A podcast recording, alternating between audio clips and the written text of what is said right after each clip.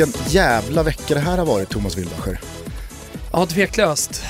Jag antar att du syftar på kvalet till VM, eh, Brasilien-Argentina igår och kvalvaka som hände i veckan. Ja, bland annat. Men sen så har det ju eh, blivit en ny president i eh, USA. Just det. Eh, och sen så har det ju varit ett snökaos deluxe. Ja, alltså, det är inte många dagar senaste månaderna som jag har varit glad över att ha varit arbetslös. jag pratade Men de här dagarna, jävlar vad man har tittat ut, vinklat upp persiennerna och krypit tillbaka ner i sängen. Mm. Jag pratade precis med Expressen, tv-gänget där uppe. Jag ska ju åka upp till Luleå på söndag så jag skulle hämta lite grejer, mickar och sånt där. Men eh, nej, då sa de det att ja, det, var ju, det var ju tufft liksom. Vi sände 41 timmar live och folk sov inte, man, man gick på energidrycker och så vidare.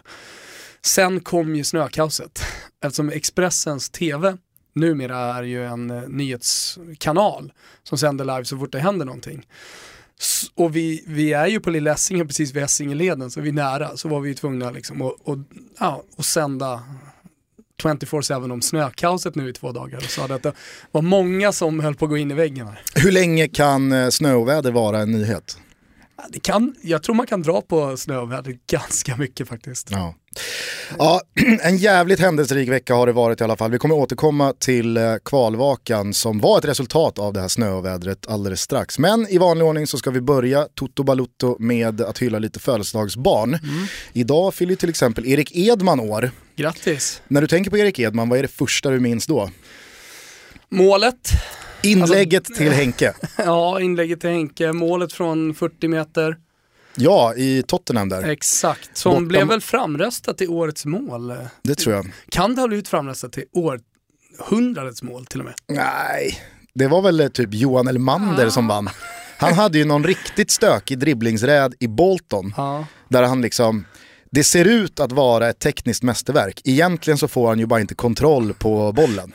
Snubbla sig fram. Och gör bort sex gubbar och typ klackar in den. Jag tror att det blev framröstat till decenniets mål eller något sånt där. Det var lika mycket slump som han australiensiska short track-åkaren som liksom slumpade sig hela vägen till OS-guldet. Ja, folk föll. Exakt. Ja. Det målet var lika mycket slump. Eller han, kom han från Ghana, han simman. Som eh, skulle ha kommit dyngsist i något OS, Mm. eh, kan ha varit OS i Sydney. Alla andra sju tjuvstartar bort sig. Ja. Så det var bara han. Det var han och eh, en kamp om livet för att ta sig Ja, ja, han, höll på, han höll ju på att drunkna Ja. i 100 meter. Alla brukar väl gå i mål 100 meter på kanske jag vet inte, 40 sekunder eller något. Jag tror att han gick i mål på 2.30. Mm. Eric någonting hette han. Eh, det är ett klassiskt klipp, kan man lägga in i hashtaggen Toto Nej men just Erik Edman, han hade ju ett, eh, ett skott, eller en vänsterfot som verkligen var den här, när man brukar säga en hästspark. Så han kunde verkligen skjuta. Stor pendel. Och det såg ut verkligen som en hästspark. Jävla snärt han fick i den dojan. Framförallt då på Anfield där när han eh, gjorde mål i den där 2-2 matchen. Eh, 2005 tror jag det var. Eh, hur som helst, Erik Edman har ju såklart också inlägget till Henke Larsson i EM 2004. Kanske den eh, mest klassiska assisten som har gjorts i Gulo Gulos eh, historia. Absolut. Jag satt här och började jämföra med van Persis mål mot Spanien. Eh, när då liksom, flygande holländarna fick Är det Blint som eh, lägger den bollen? Jag tänker att det är Blind som lägger den bollen. Men det, det är ju kanske då ett ännu mer klassiskt mål internationellt sett än Edman till Henke. Snarlik ändå. Har vi annars? Man, man pratar ju väldigt sällan om klassiska passningar. Ja, du menar, ja, du menar assist Ja, men det, är alltid, det är alltid målen som blir ihågkomna. Bara kolla på Tottis karriär så kan du plocka ut några. Just den, just den här one-touchen, alltså på tre kvarten, att stöta den vidare. Ja. Första, alltså utan att ta emot bollen. Och på tal om blint, att göra det blint. Ja men exakt, exakt. Det är lite för övrigt eh, en av mina stora styrkor i, i fotbollen. Och det tror, jag inte, det tror jag heller inte man ska underskatta som egenskap hos anfallare, att förstå när en omöjlig passning kan komma och inte. Henrik Larsson sa ju det efter sina år i Barcelona, att eh, Xavi var en sån här spelare som, hur omöjligt man än trodde det var att passningen skulle komma, Så så, så gällde det bara att eh, tro på att passningen skulle komma, att ta löpningen ändå.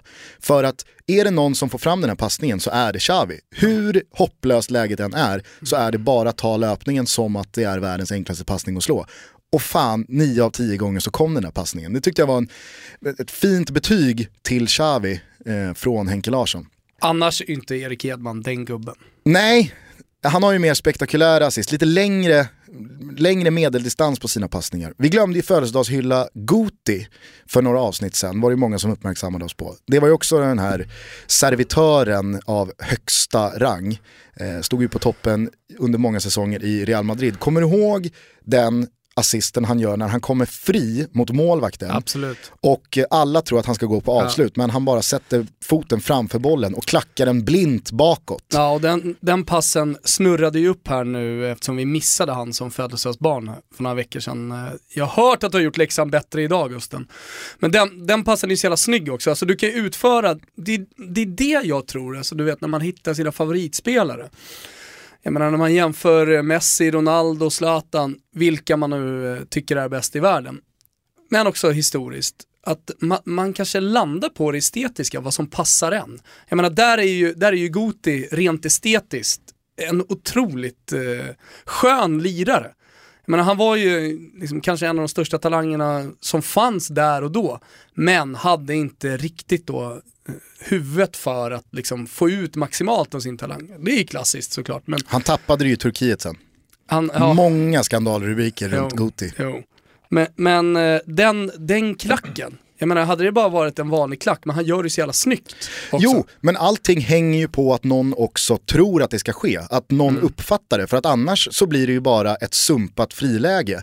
Okej, nu stod det väl 2-0 i matchen när han gjorde det och han hade liksom marginal för att misslyckas. Men om ingen plockar upp den tanken bakom honom eller framför honom eller hur man nu väljer att slå passningen så händer det ju inte. Så att det där tror jag är en egenskap som eh, vissa forwards eh, har i mycket högre utsträckning än andra. fanns ju lite den dynamiken mellan Zlatan och Anders Svensson sista åren i landslaget. Anders liksom sjönk tillbaka lite men han kunde ju fortfarande rikta sina 40, 50, 60 meters passningar på läppen på Zlatan. Och Zlatan var ju den enda som kunde uppfatta ytan som fanns. Eh, Kommer du ihåg det här målet han gör mot Österrike? Ja. Eh, när han skickar oss till playoffen. Yes. Det är också en sån där passning som väldigt få kan slå.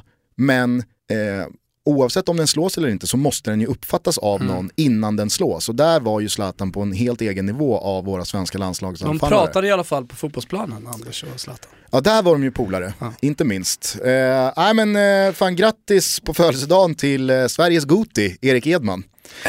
Eh, andra som eh, tycker jag ska nämnas i sammanhanget är Luton Shelton. Kommer du ihåg eh, den gamla jamaicanska anfallaren från Helsingborg som eh, gick till England? Han hade ju väldigt tidigt flint. Ja. Eh, alltså när han var 23 så såg han ju ut att vara 50 bast. Ja.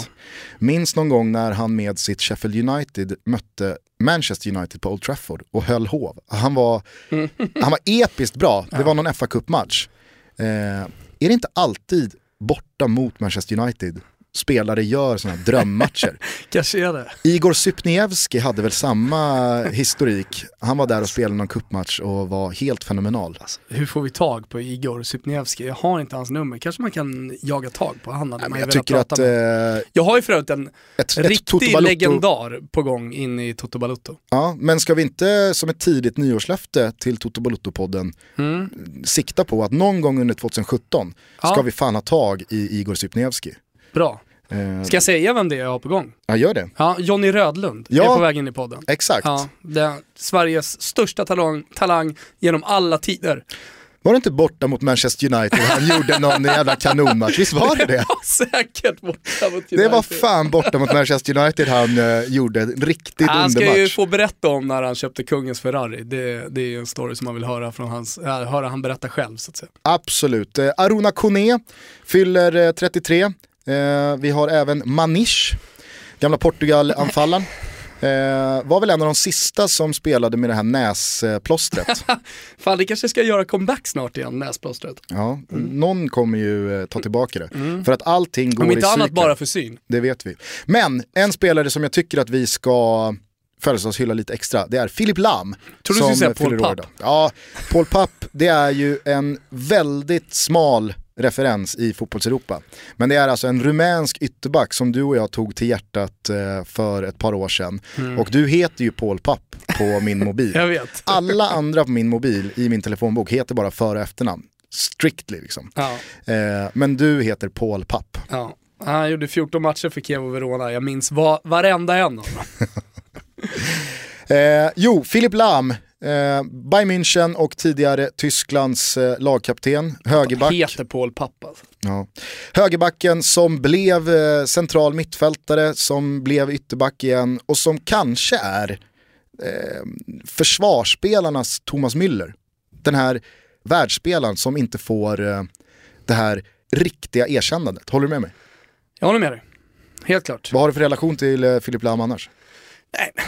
Alltså han har ju ingått i det här framgångsrika tyska landslaget såklart och varit nyckelspelare. Och sen, men framförallt så minns man väl från, jag har ju skrivit mycket så här bilagor till Expressen eh, och ansvarat över VM-guider och eh, ja, men det som folk i, brukar kalla för biblar, som eh, bladet tidigt kallade dem för. Men även ligaguider. Och där vet jag, det, det skrev i alla fall på slutet att ja, men allround-spelare som, som oavsett på vilken position han spelar så är han en av de bä- bästa i världen. I och med att han flyttades då som från ytterbacken till centralt mittfält och gjorde det väldigt bra där också. Så, eh, men, men det, det, Världsfotbollens Magnus Erlingmark. ja men kanske det då. Mm. Fa- ja, jo.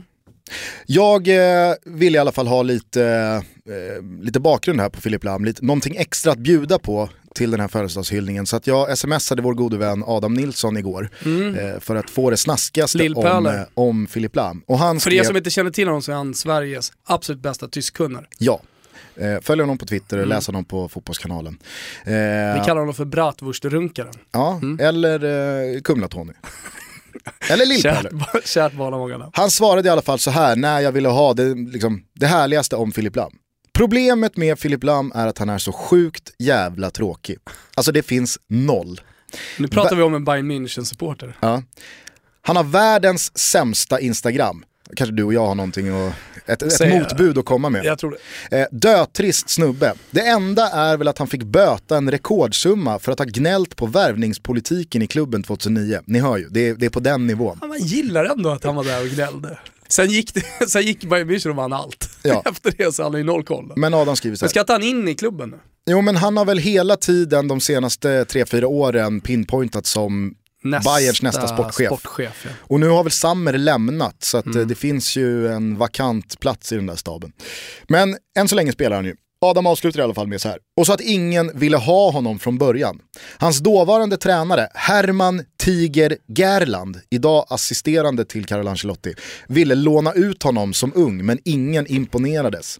En tränare ska ha bett om bensinpengar för att ens komma och se Lam in action. Och sen så har han eh, Paolo Maldini som förebild. Det är vad Adam Nilsson har på Filip Lam. Eh, så att det finns ju, inget annat. Man gillar ju Kumla-Tony i sms-form. Han är ju han är som bäst i sms-form. Väldigt konkret. Ja. Väldigt pang på. Ja. Nej, men det, är ju, det är väldigt roligt med de här spelarna eh, som ingen ville ha från början men som sen visade sig bli hur bra som helst. Eh, Sir Alex, eh, han dissade väl eh, Robert Lewandowski en gång i tiden när han spelade i Polen och tyckte inte det var värt att lägga pengar på att åka och slutscouta honom. Och sen så vet alla vad som hände med eh, Lewandowski. Men det här är ju kul då att en, Bayern ville erbjuda Filip Lam till någon klubb men någon ville ha bensinpengar för att komma och se honom. Herzliche Geburtstag, Filip.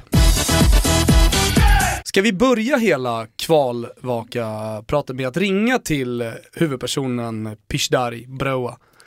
Eller bara börja med att kort förklara vad fan Ja, det var det som hände. Eh, det här var alltså natten till eh, igår. Mm, natten till torsdag. Natten till torsdag så spelades det en kvalmatch eh, om en plats i nästa års division 1 norra mellan IFK Luleå och Karlberg. Det här var en match som skulle spelats klockan sju Men eh, på grund av snövädret så fick den flyttas till 21.15 på Skytteholm.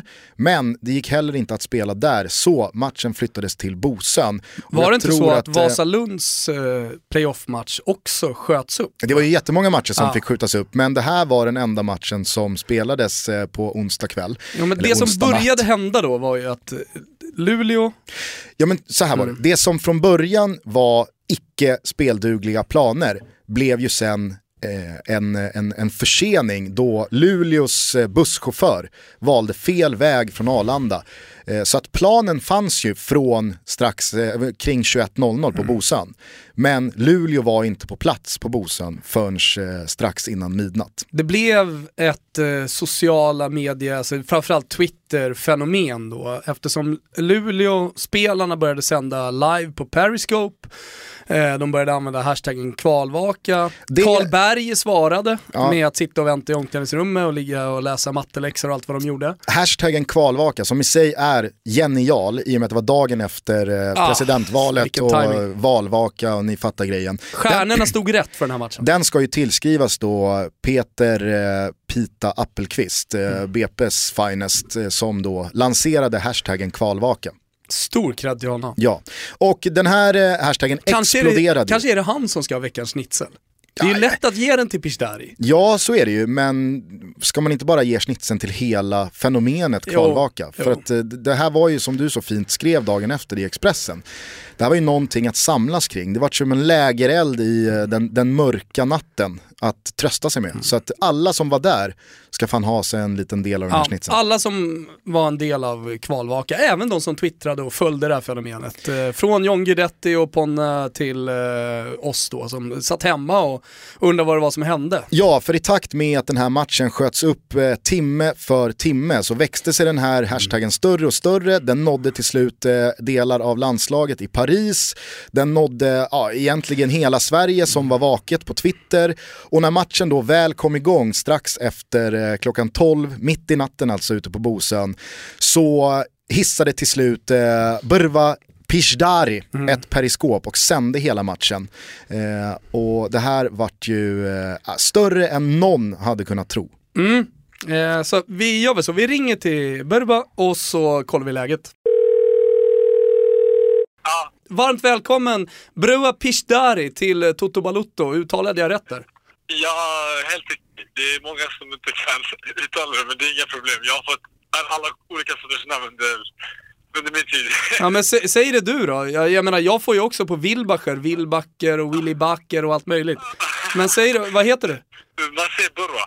Ja, Burba. Du, jag sitter här med Gusten Dahlin, min, eh, min vapendragare och livskamrat eh, och, och har precis berättat eh, för folk som inte känner till då om det som blev ett fenomen på, på Twitter, kvalvaka. Och du var ju, framförallt du var ju en stor huvudperson un, under den här kvällen. Berätta, hur, hur har dagarna varit efter den här Periscope-sändningen? Alltså, det, det har varit helt otroligt. Alltså, min mobil har bombats totalt med Twitter, med sms, med telefonsamtal av folk jag inte känner som vill gratta mig. Alltså det, det har varit helt otroligt. Jag har alltid velat bli en stor fotbollsspelare men jag visste inte att alltså, det här skulle göra mig känd. Det har varit väldigt, väldigt eh, roligt och ganska sjukt faktiskt. Du, kan man få höra, Bröva Pishdari då, vad, vad har du för favoritlag? För det brukar säga en hel del om personer tycker jag. Ja, Arsenal FC. Eh, jag, jag har växt upp att älska dem och eh, fotboll hela mitt liv. Burva eh, Gusten här. Jag tycker att det är, dags att, det, är dags att städa av de hårda frågorna här nu som folk vill veta. Hur mycket para har du fått in på Swish? ja, alltså helt ärligt så har jag, jag tror jag har fått runt 1500, 200, eh, 1500 2000 kronor, något sånt där. Jag vet inte exakt, eh, men ja, något sånt där. Så det var ju, det var ju värt att ta ledigt från jobbet. Jag fick dubbelt betalt så. Ja, alltså det blir ju det blir en utmaning för dig att hålla Skatteverket borta på de där laxarna. Det var inte så mycket pengar för att de ska komma och knacka på dörren tycker jag. Nej, kanske inte. Men du, eh, vad jag har förstått så kommer Unibet nu flyga upp dig till eh, Luleå på söndag. Ja, det stämmer. De, de skrev till mig idag och eh, ville stämma av lite saker, så ja, det, det stämmer. Jag är ju lite orolig här att, eh, alltså, hjulet ska uppfinnas för en andra gång. Att, eh, att det kanske blir liksom en gång för mycket. Att, eh, att storheten i kvalvaka var att det var så oväntat, att det skedde mitt i natten och att ingen var beredd på det. Tror du att det kan bli lite magplask eller tror du att det kommer bli ännu större på söndag? Förstår du hur jag tänker? Ja, absolut. Det, det är klart. Eh, alltså, det blev så upphypat och det var ju så otroligt många som följde det här eh, mitt eh, under natten. Och, eh, det är klart det finns risk för att det blir magplask, men samtidigt så tror jag att eh, förutsättningar finns för att det ska bli minst lika stort. För att det är en söndag, det är ingen Premier League eller La Liga eller Serie A. Alltså, det, är inget, det är ingenting som går under den tiden. Det är inget viktigt, så att säga. Har du förberett någonting då som eh, kommer hotta upp den här sändningen? Alltså jag vill, eh, jag vill egentligen göra som jag gjorde förra gången, att det bara ska bara komma från hjärtat. För det, verkar, det var det som folk gillade, att jag, liksom, jag var mig själv under hela sändningen. Och eh, eh, det, var, det var just det alla älskade med det här. Så jag vill inte liksom göra det här för ja, seriöst och ja. Jag vill, jag vill vara mig själv under sändningen. Det tror jag är en bra eh, taktik. Eh, jag måste bara fråga också, har utländsk media hört av sig också? Nej, faktiskt inte. Eh, bara inom Sverige. Det brukar ju vara så att norrbaggarna vill ha en del av kakan när någonting händer i Sverige. Sista frågan också från mig är bara som jag tror att eh, folk är nyfikna på. Du har, du har dragit in deg via Swish, eh, det har blivit jävligt eh, mycket media, säkert många hundra nya följare på Twitter och sådär. Men har du även fått ligga på det här? Kvalvaka groupies liksom. jag har faktiskt flickvän, så nej. Men, Eller, eller så att ja. Det, det, det, det är några damer som vill följa mig. Mer så kan jag inte säga. Okej. Man, man måste ju säga, jag har ju bara sett bilder på dig än så länge, men eh, alltså, du är ju en hårfager ung kille så det skulle ju liksom inte, det skulle inte förvåna mig om lite oanständiga eh, förslag kom in. Eh, än så länge har inga förslag kommit in, men jag ser till om det dyker upp något. Vi får väl se hur det blir uppe i Luleå, eh, för eh, jag ska också dit. Vi, eh, vi kanske ska slå våra kloka huvuden ihop där uppe, hitta på något kul. Absolut, absolut. Det, det tycker jag. Innan matchen och... och du, du, ska väl, ska du, du ska kommentera med mig, eller om jag har förstått det rätt? Nej, det eh, tror jag, jag tror att eh, hela upplägget är väldigt eh, sådär som du säger, det är väldigt spontant och man vet inte riktigt. Jag, jag jobbar ju för Expressen och jag menar de, de pröjsar min flygbiljett upp men, men jag har inte fått några riktlinjer än så länge i alla fall så jag tänker bara, jag, jag åker upp och så, så röjer vi. På något, på, eftersom det är avgörande match så kommer det bli någon slags firande, då vill man ju vara inne i duschen. Jag tror också att du ska, du ska nog se på Thomas som din konkurrent från och med nu. Vad, vad, vad, vadå då? Varför ska jag se honom som min konkurrent? Nej men alltså ni är konkurrenter här nu. Thomas åker ju upp för att göra samma succé som du redan har gjort så att eh, du ska nog inte vara för bjussig mot Wilbacher. Nej, men äh, vet, eh, min, eh, min idé med det här eh, är bra. Så Jag tror att det här kommer bli riktigt bra och jag vill att det ska gå bra för Thomas också. Det, jag ser inte honom som min konkurrent. Men du, eh, mitt sista råd blir bara att eh, försök tänka lite nytt. Eh, att, att kopiera någonting som redan har gjorts, det brukar oftast eh, sluta med platt fall. Så att, eh, tänk utanför boxen än en gång. Ja men där, där, där, tror jag att vi, där tror jag att vi ska slå våra kloka huvuden ihop eh, och så gör vi någonting. Eh, jag, jag, jag tror att det bara finns liksom eh, tillsammans i det här läget. Alltså man, man, man gör någonting ihop, eller hur Breva?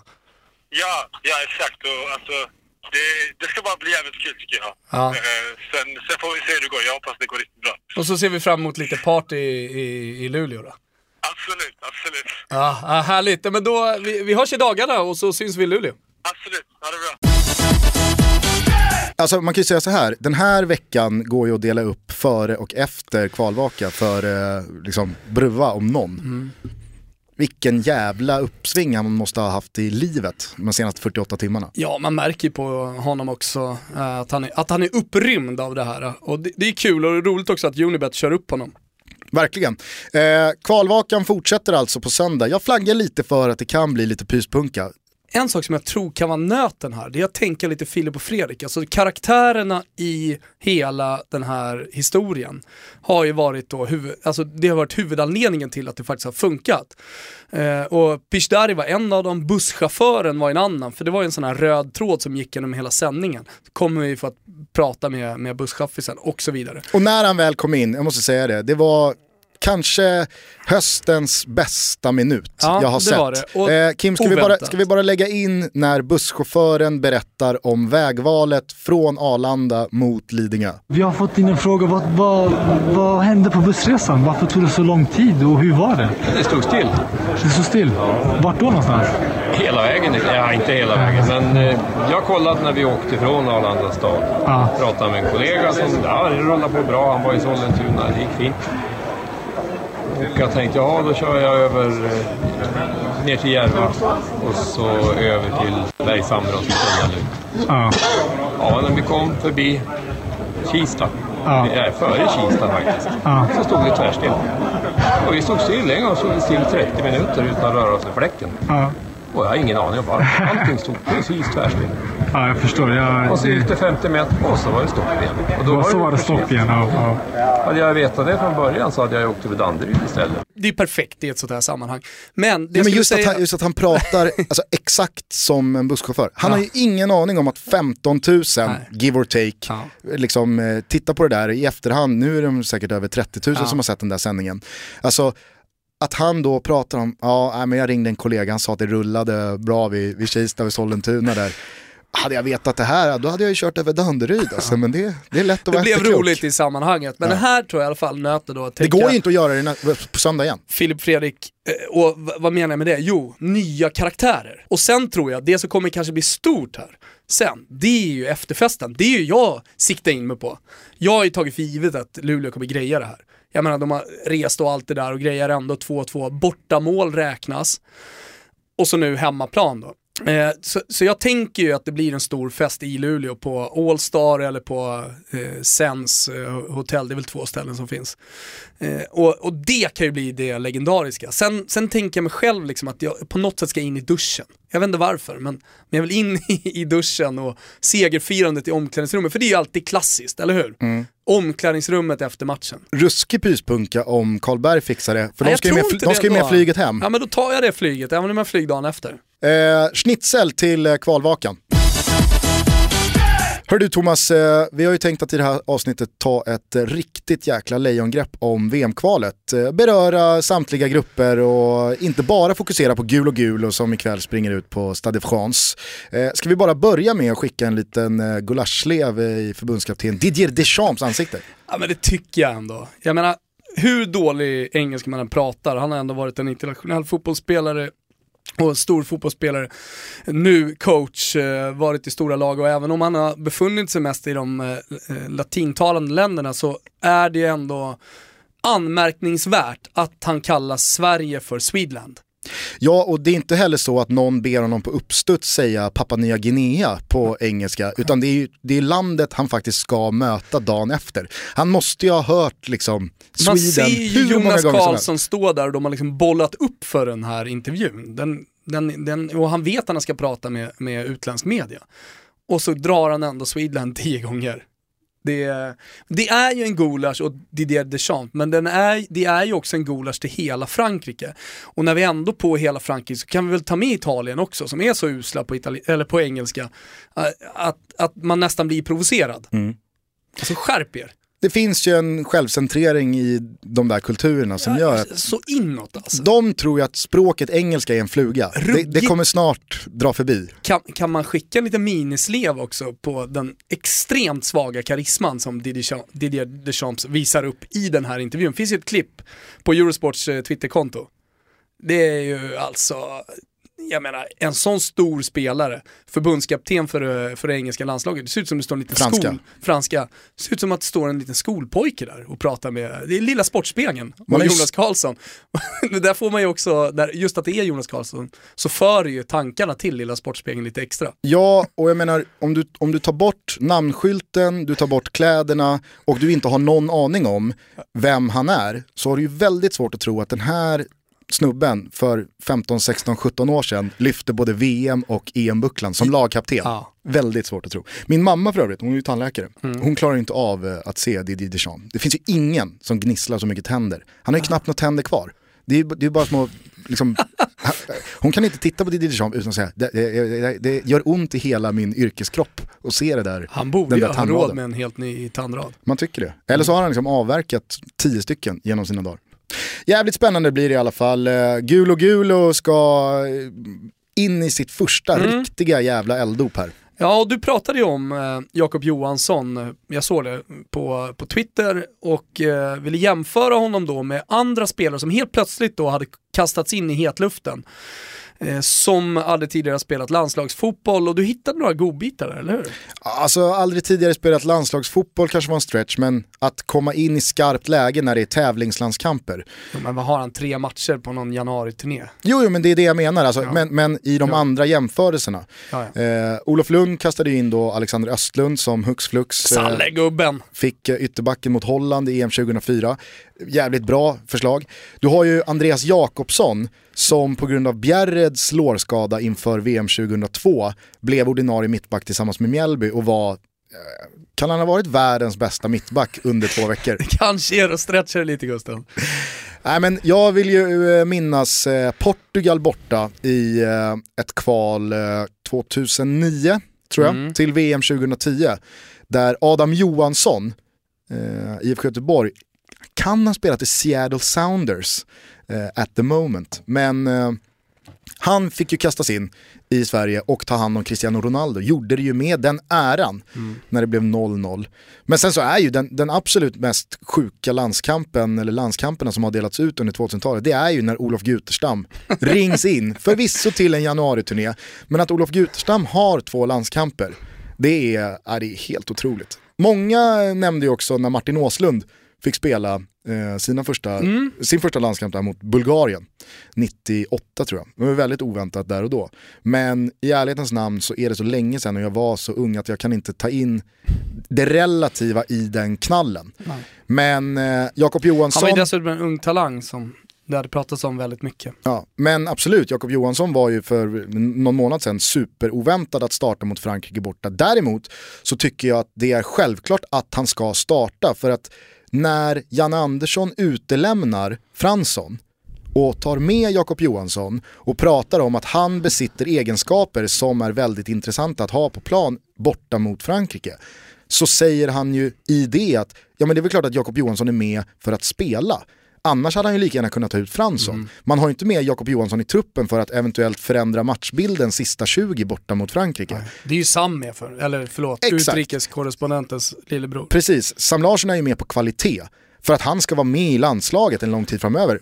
Oavsett om det är Frankrike borta Jo, det eller är också, Luxemburg det är också hemma. en perfekt spelare att kunna sätta in då och försöka ändra på en matchbild. Absolut, men jag tror att Jakob Johansson mycket väl nästa år kan lämnas utanför en landslagstrupp när vi ska möta Luxemburg hemma till exempel. För där behöver man inte en Jakob Johansson, Nej, utan där behöver man mer kreativa fötter och en annan spelartyp. Så att Jakob Johansson är ju i det här läget en rollspelare och när han togs ut så var det för mig självklart att ja, men då är han ju med för att starta. Ja. Annars är det ju slöseri att ta med honom på det.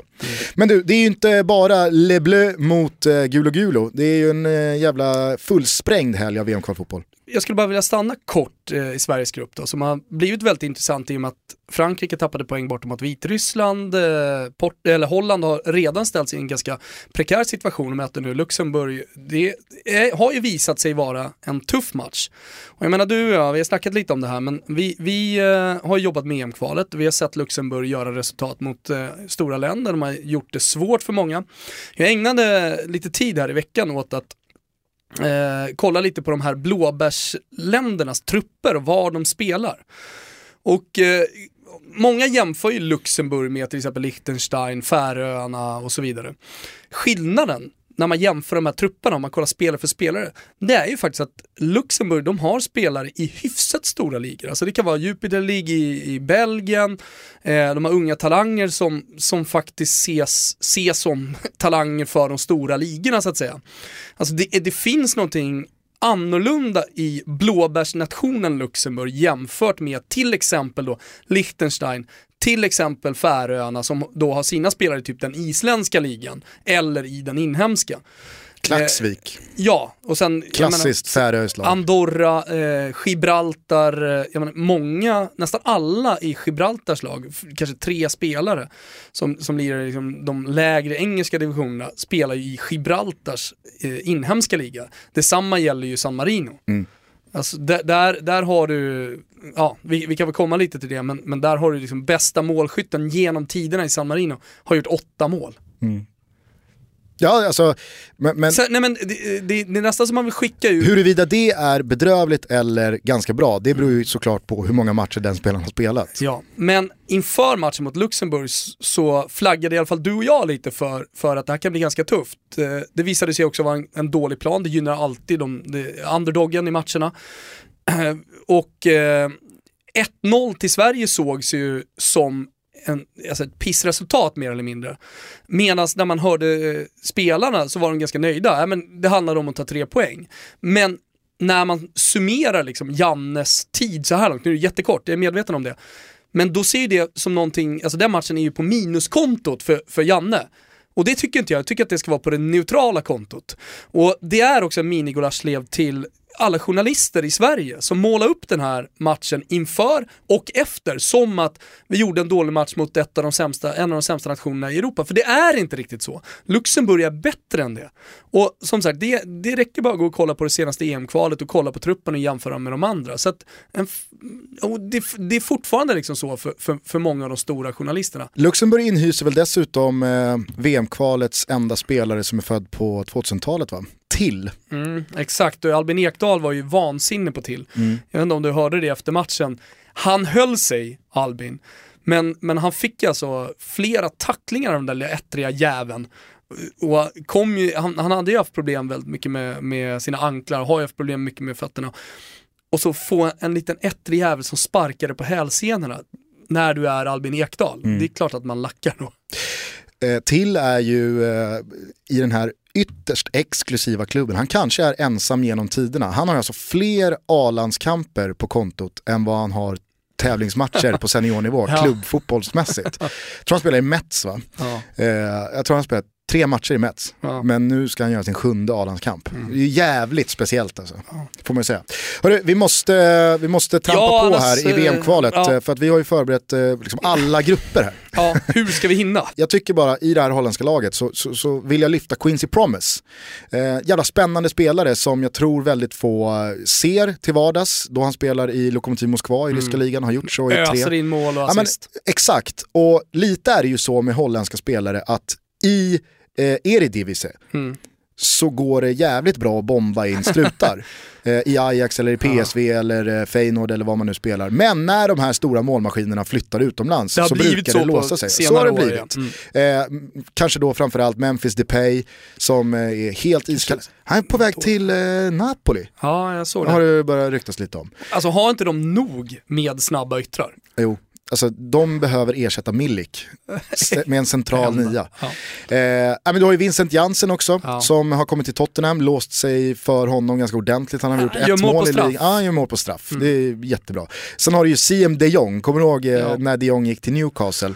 Eh, han gjorde inte en enda pyts. Nej, Nu är han tillbaka i holländsk fotboll. Så här. Men kanske är då Quincy då, då, Promise. då kan man säga att det finns bara en de Jong. Ja, men kanske är Quincy Han Promise. sätter dobbar i, i, i bröst. Ja. Kanske är i alla fall Quincy Promise spelaren som ska bryta den här förbannelsen. För att när han väl lämnar eh, ryska Premier League och kanske då går till engelska Premier League så Det är det som är rykten. vill jag nog tro att eh, han verkligen kan explodera. Jag tycker han har sett superintressant ut i de landskamper jag har sett. Mot Sverige var han ju Mycket mer fantastisk. så här holländskt direkt tycker jag. Alltså, nu ska vi inte göra för stora jämförelser, vi gillar ju inte det med andra spelare, men lite mer Robben, lite mer Overmars, alltså lite gå direkt på. Alltså, det blir lite för mycket liksom, söka sig ner mot hörnflaggan höll jag på att säga, men, men han, han- han går ju väldigt direkt mot mål. Men under då, eh, grupp A, så hittar vi då till att börja med grupp B som toppas av Schweiz som eh, började den här eh, kvalsvängen med att slå Portugal och därför står på 9 poäng. Portugal har sedan dess eh, bombat in två 6-0 vinster, står på 6 poäng och Ungern skuggade bakom. Så finns det ju tre mer eller mindre slagpåsar i Färöarna, Lettland och Andorra. Kommer ju såklart inte ha någonting med eh, playoffplatserna att göra. Men Kanske ställa till det lite. jag tycker att det är spännande med Schweiz för att enligt min mening så är ju det här laget inte alls på väg att släckas ner. Många menade ju att man var en stor besvikelse i eh, framförallt sommarens EM, och det kanske man var, men att det skulle ha varit någon sista chansen för den här generationen, det, det förstår jag faktiskt inte. Jag tycker Schweiz har ett jättespännande lag fortfarande med nyckelspelare som inte alls är på väg ut för åldersmässigt. Eller vad säger du? Nej, men jag håller helt med. Jag minns Jogi Löw eh, tidigt säga att det här laget, den här generationen, ska vara som bäst under VM 2018 i Ryssland. Om sitt Tyskland. Om sitt Tyskland ja. Och eh, det skulle man ju kunna applicera även då på, på Schweiz faktiskt. Eh, för många tänker då på då den gyllene generationen, att det skulle vara Berami, Gemaili och så vidare. Nej, nej, nej. Det är ju de som kommer precis underifrån. Det är ju Rodriguez, vänsterbacken, det är Xhaka. Och, och de är väl förmodligen som bäst om man får liksom, använda någon form av logik här. Ja, men, och 2018. Den bänkpressande köttbullen Shakiri, han är ju inte slut på långa vägar. Hej. Tvärtom Eh, alltså. nej, men jag tror att Schweiz, eh, som vi båda är inne på här, de har fortfarande saker på gång och jag tycker att man agerade helt rätt med att behålla Petkovic på förbundskaptensposten Mm. trots att sommarens EM var en stor besvikelse. Eh, nej, alltså varning Jobba för, vidare, varning jobba för Schweiz. långsiktigt. Ja. Nu har Dirimic eh, drabbats av många skador, men Seferovic, jävla bra Mm. anfallare. Det finns Mbolo, Ja. Mbola-gubben, han om någon har ju framtiden för sig. Där har, vi, där har vi en kille som man, man kan säga, de som inte har sett Schweiz, hålla koll lite extra på. Mm. En boll som gick till eh, Schalke var det väl till slut? Ja, Mycket precis. rykten kring honom. Han var ju eh, med i Adam gick. Nilssons blogg där om att Schalke har någonting på gång. Just det, så var det. Nu verkar han ju få rätt, som Schalke går som tåget här nu. Eh, kort bara, jag vill stanna till vid den här gruppens profil. Mannen som sköt eh, EM-guldet till Portugal, Eder, som han är tillbaka i verkligheten här nu. Ja, det är helt sanslöst. Att vi sänkte honom för er som inte var med på den tiden. Återigen kommer Expressen VM upp, men han, han var ju hela VMs sämsta nummer nio. Det ville sig ju inte riktigt för Eder. Och eh, det, har, det har ju aldrig riktigt exploderat i klubblagen heller. Men i och med att Portugal då inte har någon nummer nio som är riktigt bra så fick Eder chansen. Och han fick chansen igen och han fick chansen igen och det gick åt helvete. Ja, och Så många... avgör han allt. Många kommer ju säkert ihåg då att han avgjorde EM-finalen i förlängning i somras eh, och då tänkte ju många kanske här att nu kommer det lossna för Eder på riktigt. Han hade ju en katastrofsejour i Swansea, gick tillbaka här nu till den franska ligan. Ah, det har fortsatt eh, på samma målsumpande inslagna väg. Och i Ronaldos skadefrånvaro här i början, i första matchen mot Schweiz, så fick han ju chansen från start. Nej, det gick ju, gick ju åt pipsvängen. Och nu är han ju tillbaka på bänken, byts inte ens in i de här 6-0 vinsterna. Så att eh, Eder, ah, det, det, det, den, den kortaste Zenit-stunden någonsin. I grupp C så har ju Tyskland redan, eh, de har ju redan bokat biljetterna till Ryssland. Eh, Nio poäng på tre matcher, inget insläppt mål. Men Azerbajdzjan, här är ju också eh, liksom, på det här Luxemburgspåret en blåbärsnation som har tagit ordentliga steg i synnerhet på klubblagsfotbollen. Men nu märker man ju även på landslaget här att det, det, är, det är ett bra lag. Svåra att slå.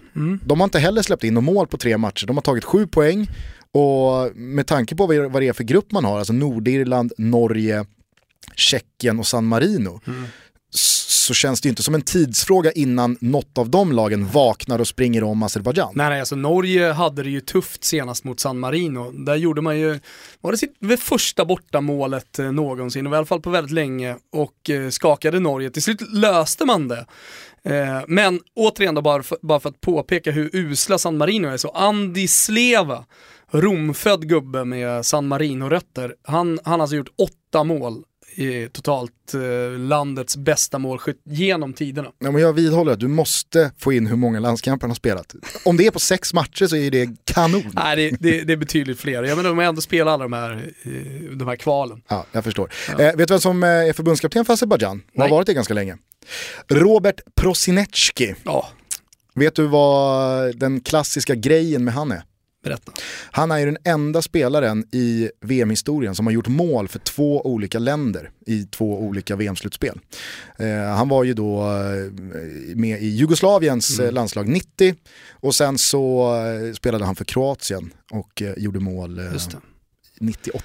Ja, men 98 som Vilket för lag de många, hade då, Ja, alltså. ja, ett superlag och, och jag tror ändå många som lyssnar på det här är ett klassiskt mästerskap. Det sticker ut lite från många andra mästerskap. Eh, det är också en VM eller en eh, EM-krönika som är VM-krönika. Det är också en VM-krönika som eh, hyllas väldigt mycket bland många bra VM-krönikor som SVT har gjort. Ja, ja men eh, Prosinecki och det där kroatiska laget 98 med Davor Šuker, eh, Ja, nej, Robert är Jarni, alltså det var... Första gången man såg de här kroatiska rutiga Ja. tröjorna också. Herregud. Mm. Tog brons och sen så som eh, alltid så missade man nästa VM. Det är helt sjukt Ja. egentligen den där förbannelsen. Det, det är nästan lite som lagen som skräller i ligan, kanske tar en Europaplats och sen så åker de ur året efter. Ja. Nej, men eh, Robert Prosinecki, han är förbundskapten för Azerbajdzjan och det tycker jag ju såklart då är Grupp Cs stora profil. Eh, I Grupp D, där har du ju ett jävla getingbo. Eh, Kanske den sexigaste gruppen. Det är Serbien, det är på nyttfödda Serbien Ja. som skämde ut sig i EM-kvalet sist, eh, som nu har kraftsamlat och har ett jävla fint lag.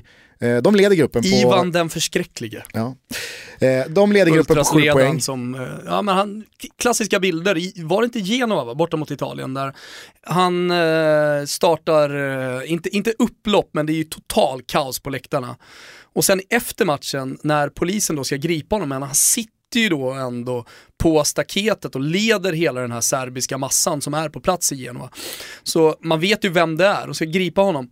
Vet du, vet du hur han försöker komma därifrån? Nej. Man gömmer ju honom i en av bussarnas bagageutrymmen och så lägger man väskor för. Men den italienska polisen, De har den har förr. ju varit med förr. Hittar honom och griper honom såklart. Det blev fängelse sen.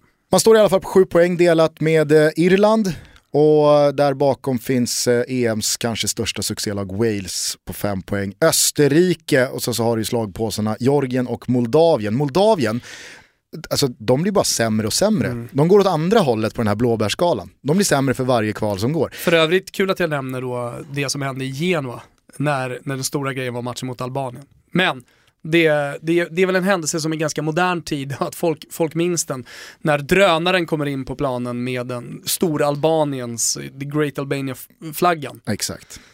Eh, Serbien tycker jag i alla fall eh, är ett superspännande lag, men i detta serbiska landslag så finns en av de största det hände aldrig-spelarna som eh, jag har varit med om de senaste åren. Soran Tosic. CSKA Moskvas eh, offensiva tia. Jag säger som jag alltid säger, hoppet lever. Jo, det kanske det gör, men Tosic är alltså så han är snart 30 bast. Jag tror han är 87 Och håller med mig, alltså det har ju varit en spelare som för, för 6-7 år sedan så var det Soran Tosic, the next big thing. Han kommer verkligen explodera.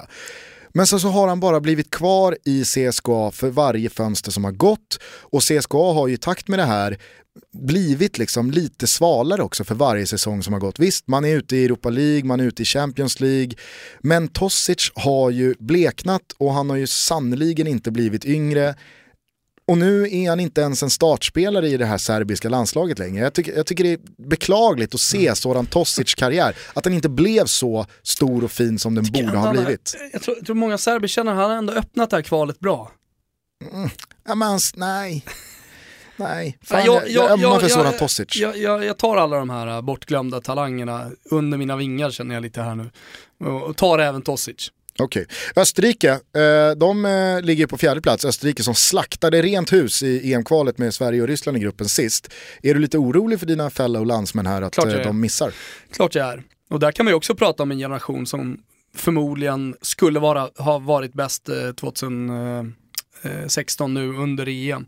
Det fanns många spelare som stod i sitt senit och så kanske man kan argumentera för att det är eller i alla fall efter mästerskapet, så pratade man i Österrike att nej, men vi satsar på 2018, här finns mycket ung talang och, och det är då vi, då vi ska vara som bäst. Men de lever väl inte riktigt upp till det om man jämför med Schweiz och eh, Tyskland. Nej, Sen så... Vann Tyskland, fucking VM 2014, men åkte ut i semi mot eh, Frankrike. Samtidigt så har ju Österrike liksom en Alltså, de, har ju, de har ju spetsspelare som eh, många länder saknar på den här nivån. Tänker jag framförallt på liksom Alaba, Arnautovic. Jag har ju en jävla soft spot för Alexander Dragovic, mittbacken. Eh, men eh, det är ju det är ett riktigt getingbo, eh, grupp D, eh, som jag tycker eh, är väl värda för er att följa. Sett en del matcher, de har varit riktigt sevärda. Vilka är blåbärsnationerna här då, som bara ska slås? Ja men det är Georgien och Moldavien då. Moldavien som sagt som blir sämre och sämre för varje kval som går. Alltså Moldavien kan vi stanna till vid kanske en av profilerna i den här gruppen. Ja. Förbundskaptenen Igor Drobovolski. Har du koll på honom? Nej, Jag tror att många av våra äldre lyssnare vet vem Igor Dobrovolski var, för att han var ju Sovjetunionens absolut eh, största talang i slutet på 80-talet. Han vann OS med Sovjet Sovjetunionen, mötte Brasilien i finalen. Och eh, det är Romarios Brasilien som man möter. Och vem är då bäst på plan och ser till eh, så att eh, Sovjetunionen vinner den här matchen på förlängning? Jo, det är Igor Dobrovolski. Eh, som sagt, en, en superstar som kom till Genoa, men på den tiden var det problem med papperna i och med att det var Sovjetunionen och allt det där, så det blev aldrig riktigt det. Men man fortsätter att prata om honom som faktiskt en av världens absolut största talanger. Sedermera det, det är en jävla överdrift alltså som han var då, man pratar om det OS-slutspelet, eh, jag menar de klubbarna som var intresserade, de klubbarna han gick till sen, alltså att man fortsatte, fortsatte att tro på honom. Det blev liksom ingenting i, i, i på grund av de här papperna, men han landade ju till slut i Marseille, eller till slut, och var ju med och vann Champions League mot Milan 92-93. Han fick inte spela så mycket, han fick inte ut sitt spel, visserligen. Eh, och- Det var en jävla Ja, men- potential som det- satt där ja, på men bänken. Ändå, ändå, ändå, eh, och jag menar, han, han kom ju till Diego, Simeones Alltså som spelare, Atletico Madrid sen. Men det gick åt helvete där också Gustav. För eh, det, det är roligt där, eh, eh, han, eh, han blev ju en slags legend hos Atleti-fansen. Och man kunde inte riktigt uttala hans namn, så istället för att då ropa Dobrovolski eh, så, så körde man Doble de Whisky. Alltså en dubbel whisky. Och eh, det roliga med det var ju att han trodde ju att de sjöng hans namn. Så han, varje gång de sjöng då blev det whisky, då blev det whisky.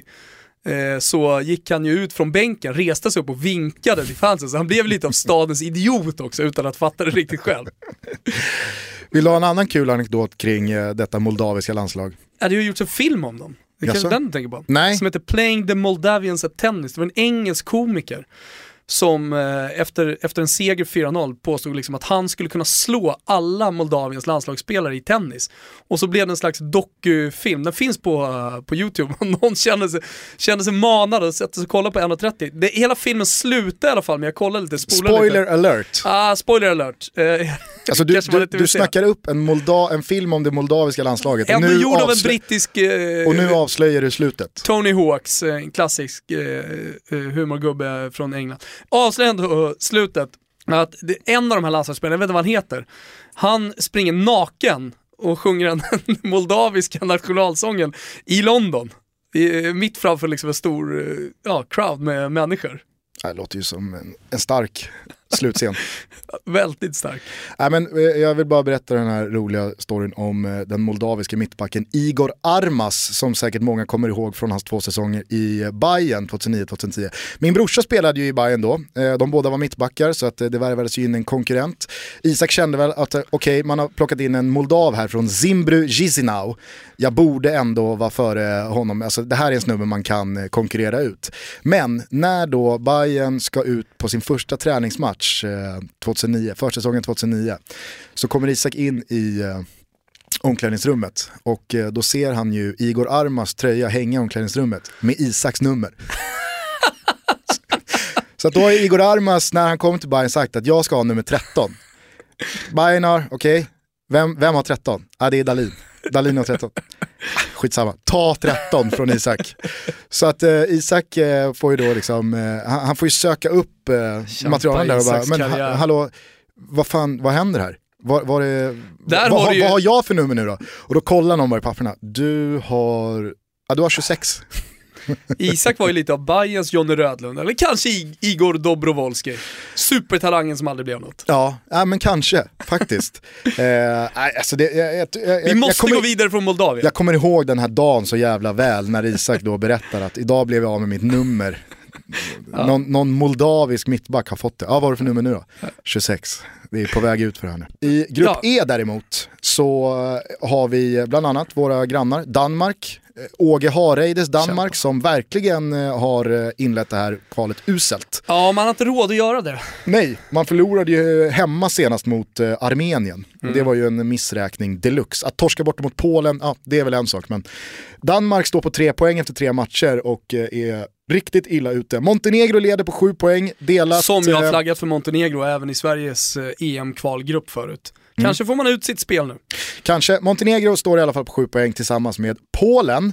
Eh, Rumänien där bakom på 5 poäng. Eh, Danmark 3, Kazakstan och Armenien. Det är en jävla osexig grupp det här. Ja. Eh, men eh, det lär väl i slutändan Finns vara så att Polen. Polen ska väl vinna den här gruppen om du ser till vad man har för lag nu. Ja, och inledning. Exakt, eh, så att, eh, ja, kul. Däremot så vill jag lyfta bara en, en snabb profil här. För Åge Hareid har ju tagit ut Ajax eh, supertalang Kasper Dolberg. Ja, jag såg han i Europa League. Ja, alltså jag har kikat en del matcher med Ajax eh, under hösten här och alltså, han är 19 år Ja. eh, och för sig och rör sig som en jävla klassnia Ja. alltså. Jag älskar Kasper Dolberg.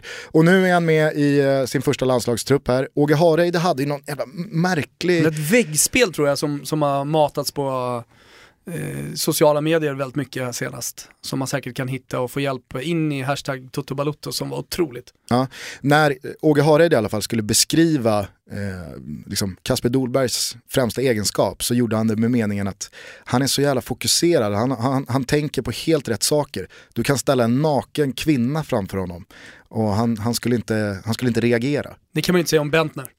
Nej men jag tycker att det, det är så jävla, det är liksom så Det här, kan man inte säga om någon dansk. Nej och jag tycker heller Danskarna är ju ett sällsynt kåt eh, folkslag. absolut men jag tycker De är också inte att riktigt det är, som tyskarna. Där, där liksom porren och kåtheten osar liksom oavsett vilken stad man är i. mm, Jo, Ah. Var, du än, var du än går så finns ju en bordell nära till hans. men i alla fall i forna Västtyskland. Ja. Östtyskland är mer, eh, det är mer celibater. Ja, Ja, men jag tycker att det är en jävla märklig grej jag vågar ha dig att säga. Alltså, jag tycker det är målande ändå. målande är det, men eh, kanske inte, liksom, ah, jag vet inte, gubbigt. Ja, det är klart att Gubbigt det sagt. är gubbigt. Men håll koll på Kasper Dolberg, eh, the next big thing, på tal om det. Där tror jag verkligen att det är så. Ja. Det är en jävla kanonanfallare. Mm, vilken shoutout.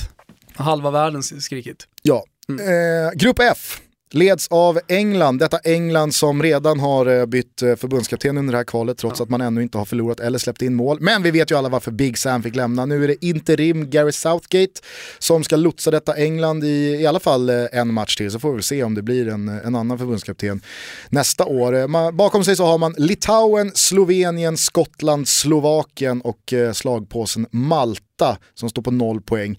Känns som eh, hugget som stucket här om andra platsen. Ja, 5-5-4-3 alltså på Litauen, Slovenien, Skottland, Slovakien. Exakt, och att Litauen som leder den gruppen. Här finns ju verkligen mö- möjligheten för eh, en, en liten nation som Litauen att göra någonting.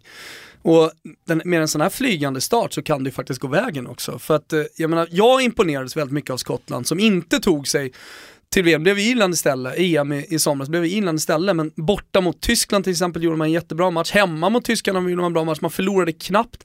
Alltså, det var ju på målfoto som eh, Irland tog sig vidare från den gruppen hela vägen till EM. Men när man hamnar i en sån här svår grupp, det är ju också lite typiskt Skottland, då kan det också gå åt helvete.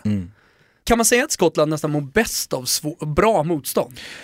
Att vara lite underdog? Ja, absolut. Och nu får de väl chansen här i helgen när de möter England att verkligen visa att man eh, kan få Lill- ett plus ett att bli tre. Lillspelet på, på skottarna.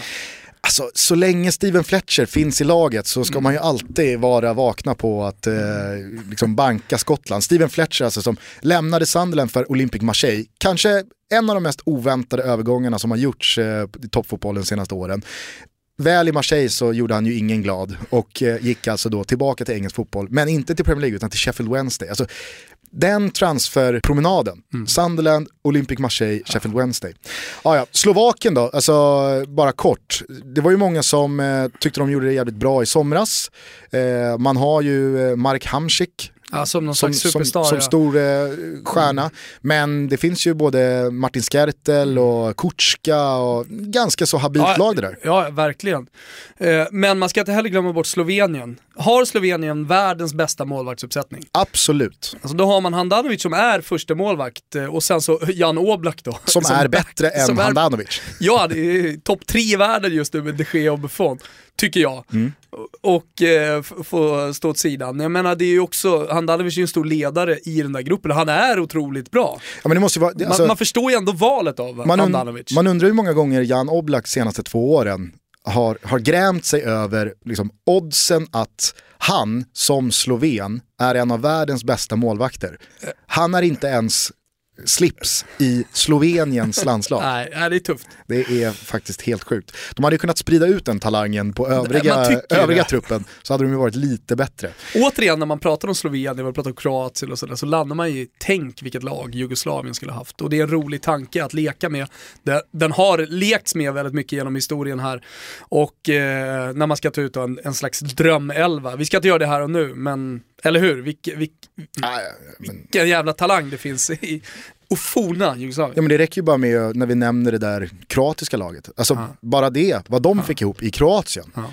Och de tog VM-brons. Det säger ju allt vad, vad det fanns för eh, potential där. Kort bara, förkroppsligar inte Juraj Kutjka Milans resa från Det världsklubb? gör väl ändå Montolivo. Alltså jag tycker ändå Kutjka skulle kunna ha en plats i... ja, men jag säger inte att Alltså Kutjka är så jävla dålig. Gattuso, men han spelar ju inte alltid heller. Och... Nej men jag menar bara att han är, alltså det är en slovakisk hyfsad spel, alltså så här, med Milan-mått mätt. Jag tycker det finns andra spelare ändå som, som förkroppsligar Milans...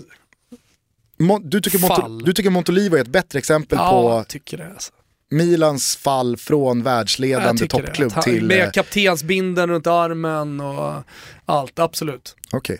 Har ni några andra förslag på vilken spelare som förkroppsligar resan från Grande Milan till eh, nia i tabellen så skjut in er själva i eh, hashtaggen Toto Jag tycker i alla fall att det är Juraj Kutjka.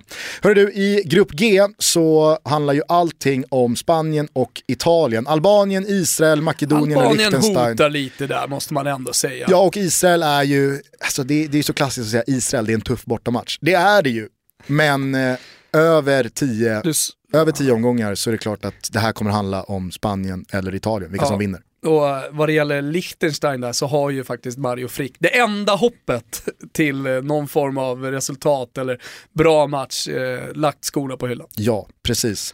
Eh, kort bara om Italien. Graziano Pelé, han är klar nu. Det blir inga fler landskamper för honom. Nej, vi dödade ju honom efter EM och den där straffen, men, men nu har jag ju bråkat med Ventura, var sur efter bytet. Och underifrån så kommer det faktiskt, äntligen, får man ju ändå säga, även om man inte håller på Italien, några sköna italienska nior, för det har man ju saknat. Och framförallt så finns ju Andrea Bellotti. Ja. Il Gallo, eh, han, har ju, han har ju det där eh, vansinniga och så här ständigt eh, nätsökande, liksom skottsökande som eh, till exempel Christian Bobovieri hade en gång i tiden. Alltså den där hungern efter att eh, få göra mål, som man inte har sett i Italien på väldigt länge. Ja, men det, jag som, det jag tycker är så kul med de italienska anfallarna nu, det är ju att alltså, det är nästan inte ens tal om någon från Juventus, Milan, Inter eller Roma. Utan nu är det Torino, Lazio, alltså du har eh, Pavoletti, alltså Genoa. Det finns... Jag vet Ja, inte om det kanske är en svaghet, men, men jag tror att de där spelar, i alla fall Men jag tycker, att det, jag tycker att det är fräscht. Mm. Jag tycker det är fräscht av Ventura att faktiskt titta på prestation. Mm. Alltså om nu Eder är kall, liksom, då, ska det inte, då ska det inte handla om att det är Eder och han spelar i Inter. Utan vad fan, Belotti Mm. går bäst tillsammans med Ciro Immobile. Då ska de spela. Jag, jag älskar Andrea Belotti. Han det blev ju också. vår gubbe väldigt kort under u em Vi var på plats nere i eh, Omoluk eh, i östra Tjeckien. Insåg för övrigt att det går snabbare att flyga till Wien än som vi gjorde till Prag. Ja. hur som helst, eller det är närmare. Hur som helst, eh, han sprang omkring och småtjafsade, eller småtjafsade, stångades med Stones, var det inte det? Jo. Eh, under hela matchen och till slut så slaktade han Stones. Alltså vilken match han gjorde och vi satt ju då bänkraden längst ner under hela första halvlek och eh, hörde honom smågidra, hörde honom eh, liksom prata, ja, men hela hans aura på planen var en garanti för att den här gubben kommer göra mycket mål i framtiden. Ja, och hans aura hänger ju mycket ihop Mellan med benen. det som Ponne har bekräftat för oss i ett gammalt Calciomani-avsnitt, att Belotti är ju sjukt välhängd. Ja, jo, Alltså han har ju en stor kukaura som är 102%ig. ja. Det är, det är ett som är säkert. Spanien vill jag bara kort nämna. Är det inte helt bisarrt att deras nya förbundskapten Lopetegui fortfarande är liksom carte blanche? Är det någon som har en bild av Lopetegui? Är det någon som har ett ansikte på Lopetegui? Nej, nej, nej. Han är ändå förbundskapten för Spanien och det känns som världens mest anonyma förbundskapten. Han är ju liksom paritet med eh, Lettlands förbundskapten känns det som. Mm. Ingen bryr sig om Lopetegui. Ingen, han snackar inte, han syns inte, han hörs inte. Det säger väl en hel del om Spanien som lag eh, och spelarna man har att tillgå. Att lite vem som helst kan vara förbundskapten för Spanien. Men håll med mig om att Lopetegui är, det, det, det är ett mysterium hur tyst det är. Mannen utan ansikte. Verkligen. Eh, grupp H. Belgien leder med ett eh, perfect result. 13-0 i målskillnad, eh, 9 poäng och eh, Roberto Martinez tillsammans med Thierry Jag Henry. tänkte säga det, han är ju offensiv coach. Mm. Den gamla franska Arsenal-storspelare. Eh, den stora potentialen som liksom har bara legat och pyrt i det belgiska landslaget Ja, men får äntligen ut, kanske inte maximalt, men, men mycket av sin talang. Ja, men jag tycker också att det är jävligt Potential. roligt. Jag tycker att det är jävligt roligt när man för att det har låst sig lite för sina stora toppar, Benteke och Lukaku, tar in en spelare som Henry och direkt får han snurr på båda och båda öser in mål. Nu har man ju, okej, skaffat Wilmot sig... skulle ju ha lämnat för länge. Liksom. Ja, absolut, men jag tycker, att det, jag tycker att det är kul när en sån rekrytering som Thierry Henry till det här landslaget är. I synnerhet då när de inte ens är landsmän. Alltså när, när det flyger och det funkar och man får igång sina anfallare. Måste också säga att det är högt spel av eh, Roberto Martinez som alltså utelämnar Raja Nainggolan från den här truppen på grund av att han siggade efter senaste landskampen. Jag är på, eller vi är ju på Naingolans sida här. Återigen, allt handlar om prestation. Ja, Om man levererar och presterar, då ska man fan få ta sig en sig efter matchen. absolut. Det är, nej, det är högt spel som sagt. Ja. Men återigen, det där handlar väl lite om att man har råd när man Ja, har det ja, ja, belgiska spelarmaterialet att tillgå.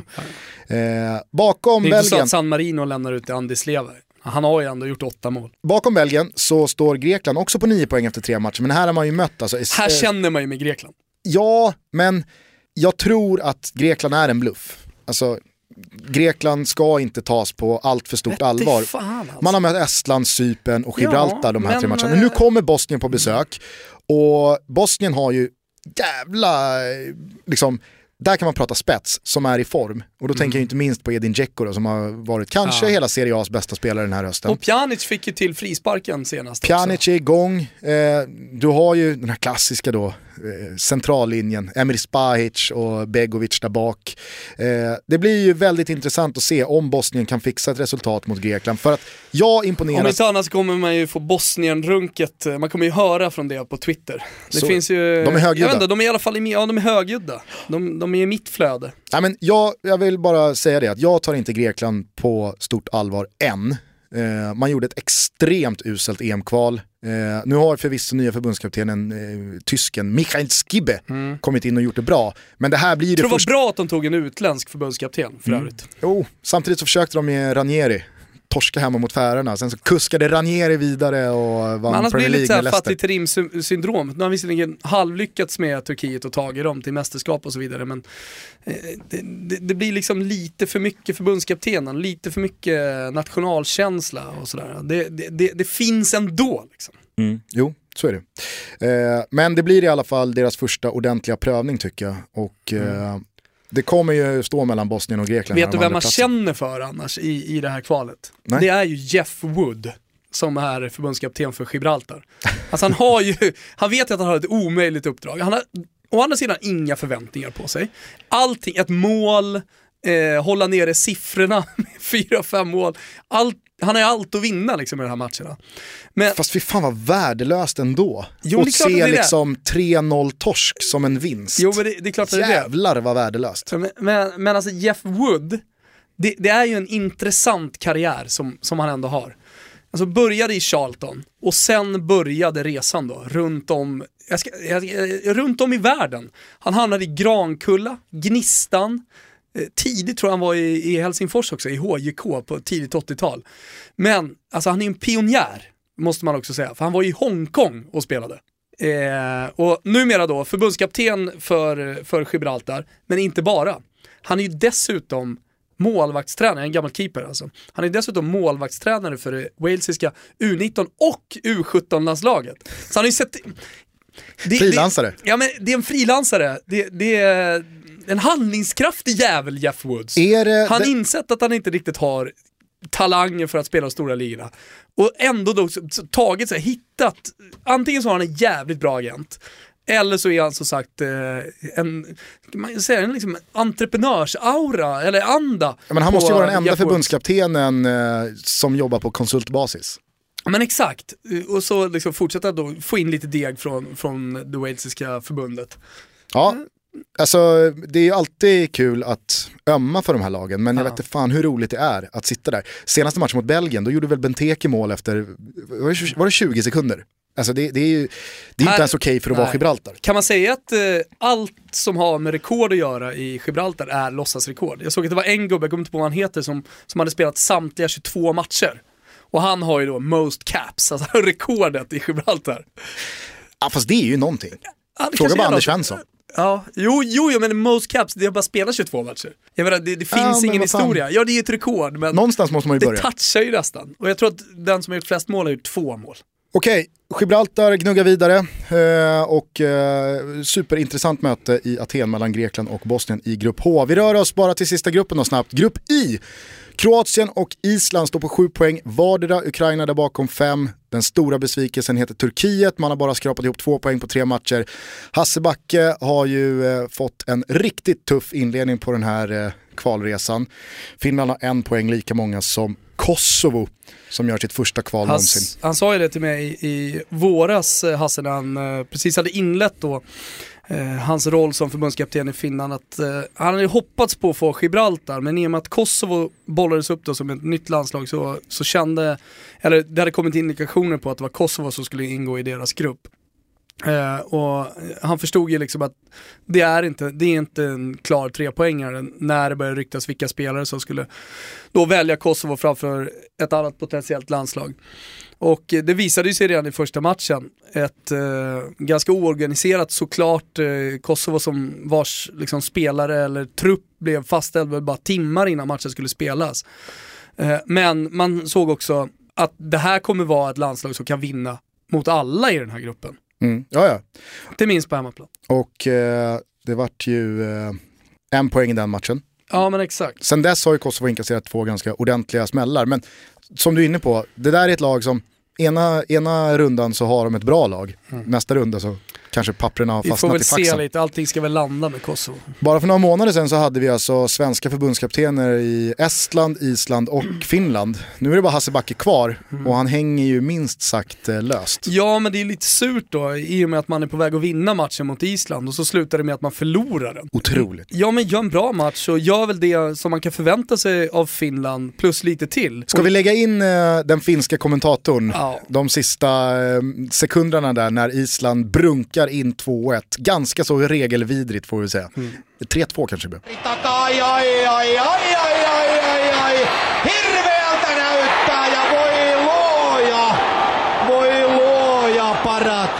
Man känner ju med vår vän Hasse Backe. Absolut. Eh, Kroatien, eh, liksom, de, de gör ju vad de ska här, men Island, jag, jag, jag kan inte, jag kan inte liksom få nog av Island och hur imponerad jag är av det. Ska man, ska man börja se på Island Nej. som ett, eh, ett eh, konstant, Nej. riktigt bra lag?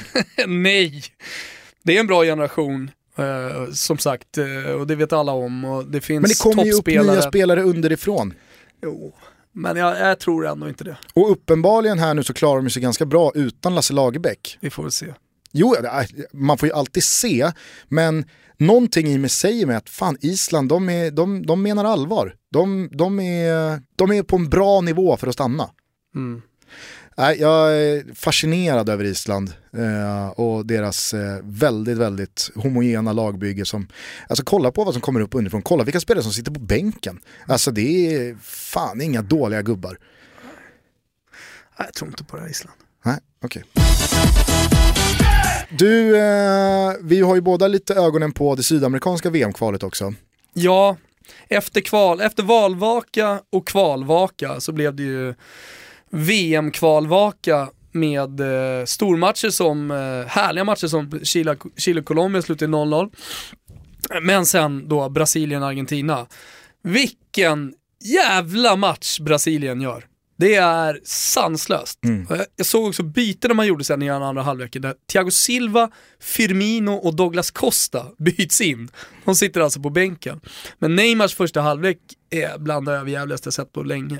Och hur het är Coutinho? Han är ju smutshet såklart eh, och, och målet han gör, är, det har väl alla sett, det har vevats runt i alla möjliga medier som finns eh, med, med, med skottet i krysset. Men, men det är inte bara det alltså, det, det, det är sättet de bara avfärdar runner-ups i, i VM på ett eh, så sjukt imponerande sätt. Sen, sen är det ju anmärkningsvärt att Argentina med all den anfallstalangen som finns i, i landet, med liksom Icardi som inte ens är kallad, med Dybala som är avstängd, Messi, Higuain, Di Maria på planen, inte lyckas göra ett mål. Nej.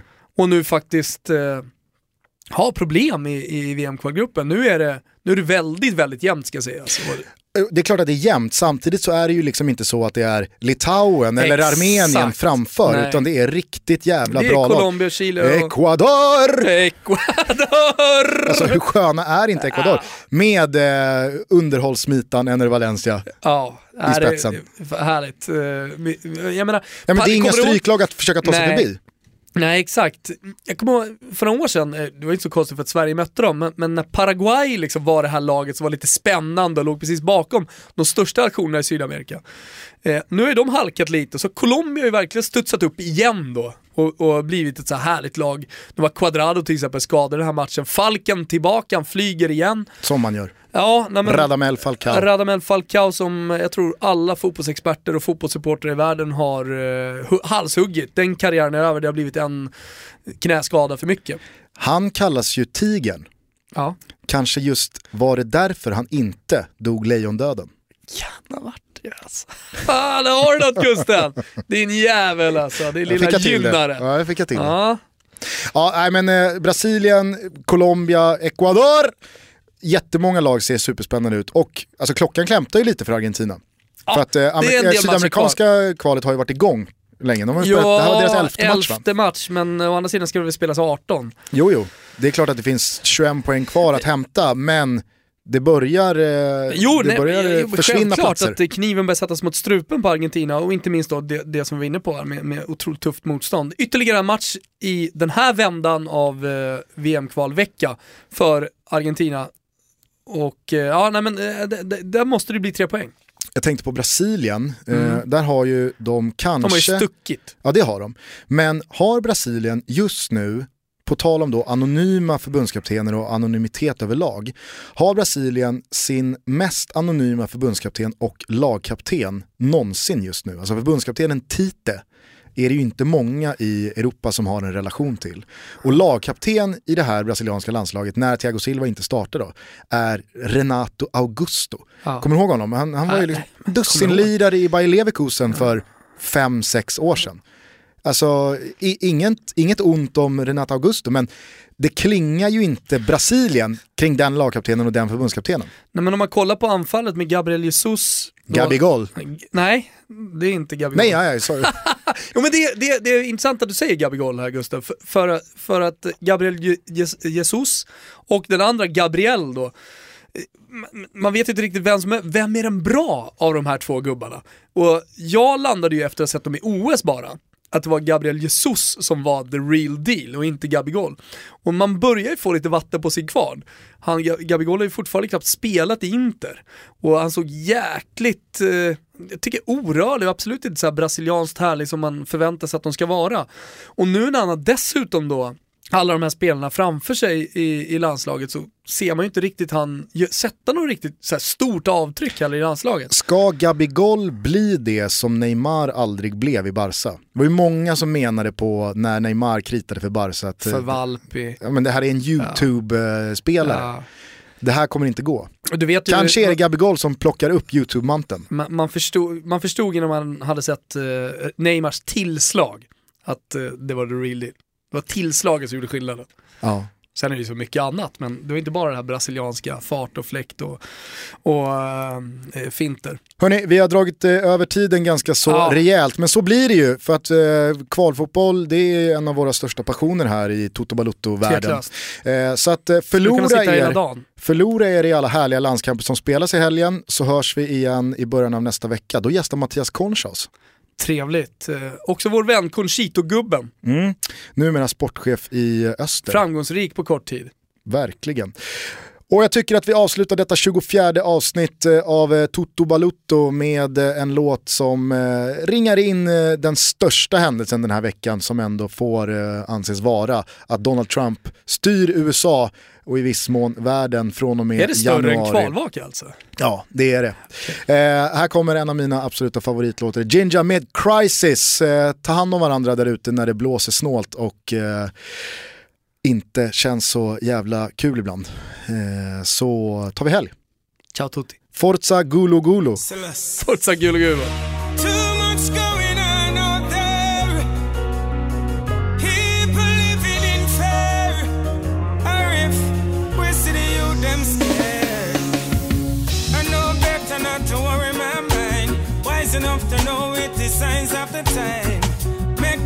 the truth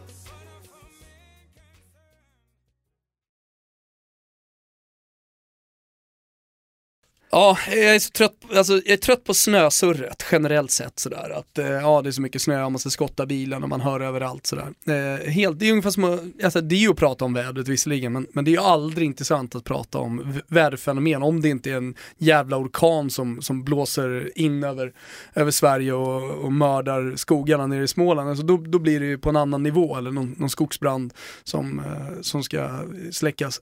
Men, men alltså snön, rör mig liksom inte i ryggen.